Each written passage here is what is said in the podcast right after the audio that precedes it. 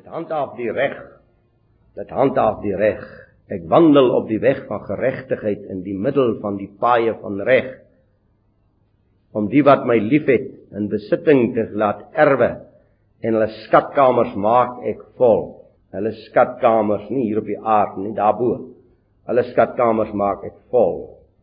Laat ons so vir 'n minuutjie net by die gedagte stil staan daarbo. Die ewige lewe. Dis waarin u en ek tog as gelowige op pad is. Die sin van my hele bestaan, die wysheid van my bestaan is die ewige wysheid. Paulus sê dit baie helder en baie skerp. Hy sê na alles volgens hierdie orde van Jawe voltooi is, dan sal ons almal in hom wees. Dan sal ons almal in die volmaakte wysheid wees en ewig in die wysheid lewe. Dis geweldig groot. Dis geweldig groot. Dit handhaaf die reg, geliefdes, die wysheid handhaaf die reg. Ondanks die uitsprake van die mens. Aan die eind van die pad of aan die eind van jou en my lewe staan ons net voor die reg. Kom ek wil hê jy moet luister hoe beskrywe die apostel Paulus die prediking. 1 Korinte 2 En dit is verskriklik belangrik wat ons daar lees in 1 Korinte 2 vers 1 en 2 en nog verder aan. En toe ek by julle gekom het broeders, het ek nie aan julle die getuienis van God kom verkondig met voortreffelikheid van woorde of van wysheid nie. Jy moet nou baie mooi verstaan. Nie wysheid nie. Hy bedoel hierso voortreffelike woorde en wysheid wat uit die mens is nie. Want ek het my voorgenem om niks anders onder julle te weet as Yeshua Messia en hom as die gekruisigde. Ek was ook by julle in swakheid en in vrees en in veel bewing. En my rede en my prediking was nie in oorredende woorde van menslike wysheid nie, maar in die betoning van gees en krag. Sodat julle geloof nie in wysheid van mense sou bestaan nie, maar in die krag van God. Tog spreek ons wysheid onder die volwassenes, maar in wysheid nie van hierdie wêreld of van hierdie wêreldse heersers wat vergaan. Maar ons spreek die wysheid van God wat bestaan in verborgenheid, wat bedek was en wat God van ewigheid af voorbeskik het tot ons heerlikheid. En dan gaan hy verder aan, mense kan net aanlees want dit raak so ryk, dit raak so vol die wysheid. Want wat is die wysheid? Yeshua Messia is wat hy verkondig. Jy moet tog as dit kan maar vanaand weer hier wees dat ons by die sin van wysheid kan uitkom, dat ons binne die wysheid kan staan. Die wysheid is die Messia wat verkondig word 1 Korinte 1 vers 24. Die Messia, die krag van God en die wysheid van God. Die Messia. Jahwe die gesalfde die wysheid van God. Wat 'n geweldigheid. Wat 'n geweldigheid. Geliefdes, daarom leer die skrif vir ons dat Yeshua is die volheid. Kolossense, hy is die volheid van die wysheid. Kolossense 2 vers 9. Kom maar luister. Want in hom woon al die volheid van die godheid liggaamlik en julle het die volheid in hom wat die hoof is van alle owerheid en mag by die res kom ons vanaand Efesiërs kom dit ook pragtig voor oor hierdie ek is nou nie seker van die teks nie oor hierdie volheid wat ons in Yeshua het die absolute volheid van alle wysheid. En daarom sê die skrif vir ons in 1 Johannes 5 vers 13: Hy wat die seun het, het die lewe. En hy wat die seun van God nie het nie, het die lewe nie. Daarom het ons net nou in Spreuke ag gelees. Hy wat die wysheid het, het die lewe. En hy wat die wysheid nie liefhet nie, het die dood.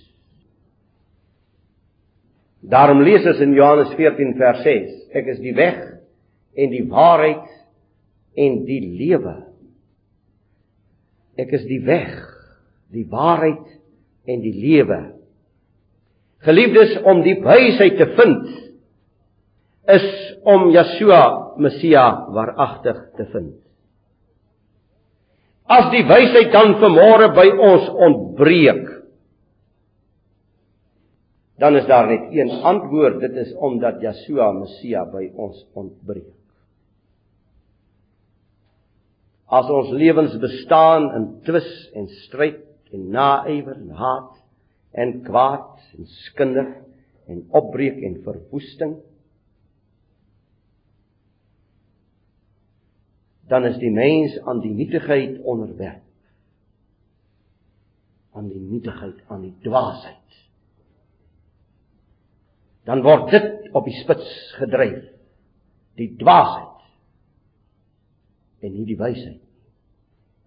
As ons ons dus beskikbaar stel en diensbaar stel aan die dwaasheid, sal ons saam met die dwaases op hierdie aarde ondergaan want die dwaas is sonder God. Daarom sê die skrif die dwaas sê daar is geen God.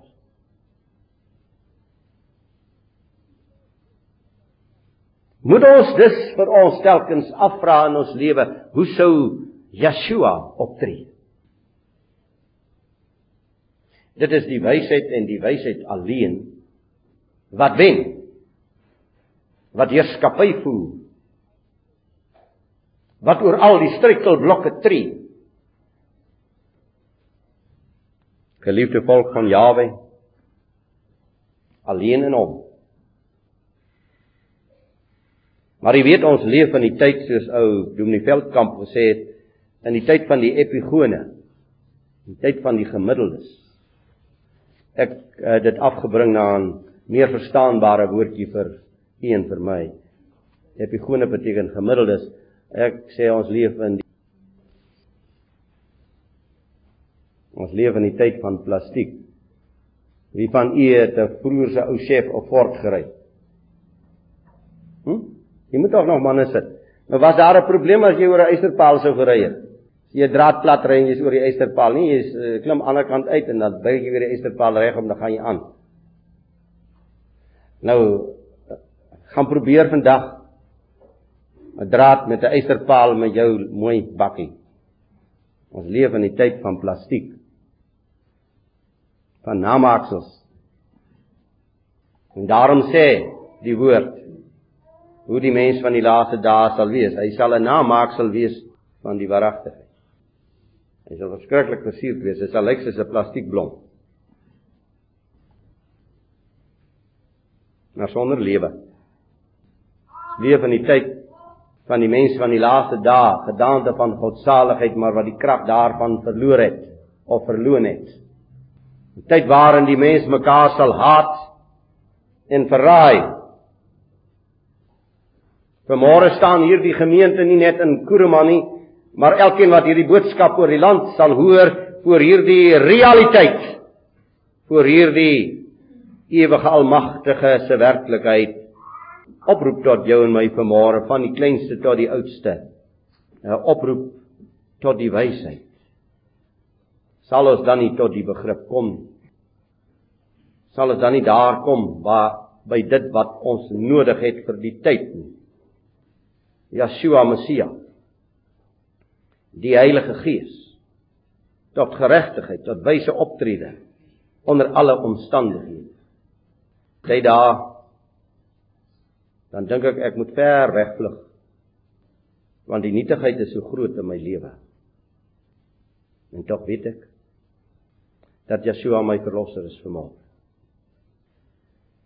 Moet hierdie gemeente geliefdes in die geweldige aanslag wat in hierdie tyd gedoen word op die waaragtige gelowige mens moet die gemeente tot wysheid ons sal vanaand daarby stil staan hoe kom ek in die wysheid en hoe bly ek in die wysheid moontlik kan ons net vanmôre Psalm 1 mee sluit. Die wysheid. Plaas my op 'n plek, geliefdes. Die wysheid maak my op 'n plek staan. Nie in die kring van die spotters nie. Nie in die kring van die wêreldling nie. Nie in die kring van die spelspeler van ons tyd nie. Die wysheid maak my staan by waterstrome. 'n Boom geplant by waterstrome. 'n Boom geplant in die woord van God, in die wysheid van God. Ons het so baie verloor. Ons het so baie verloor, ons moet so baie terugwen. En omdat u nie almal vanaand hier gaan wees nie.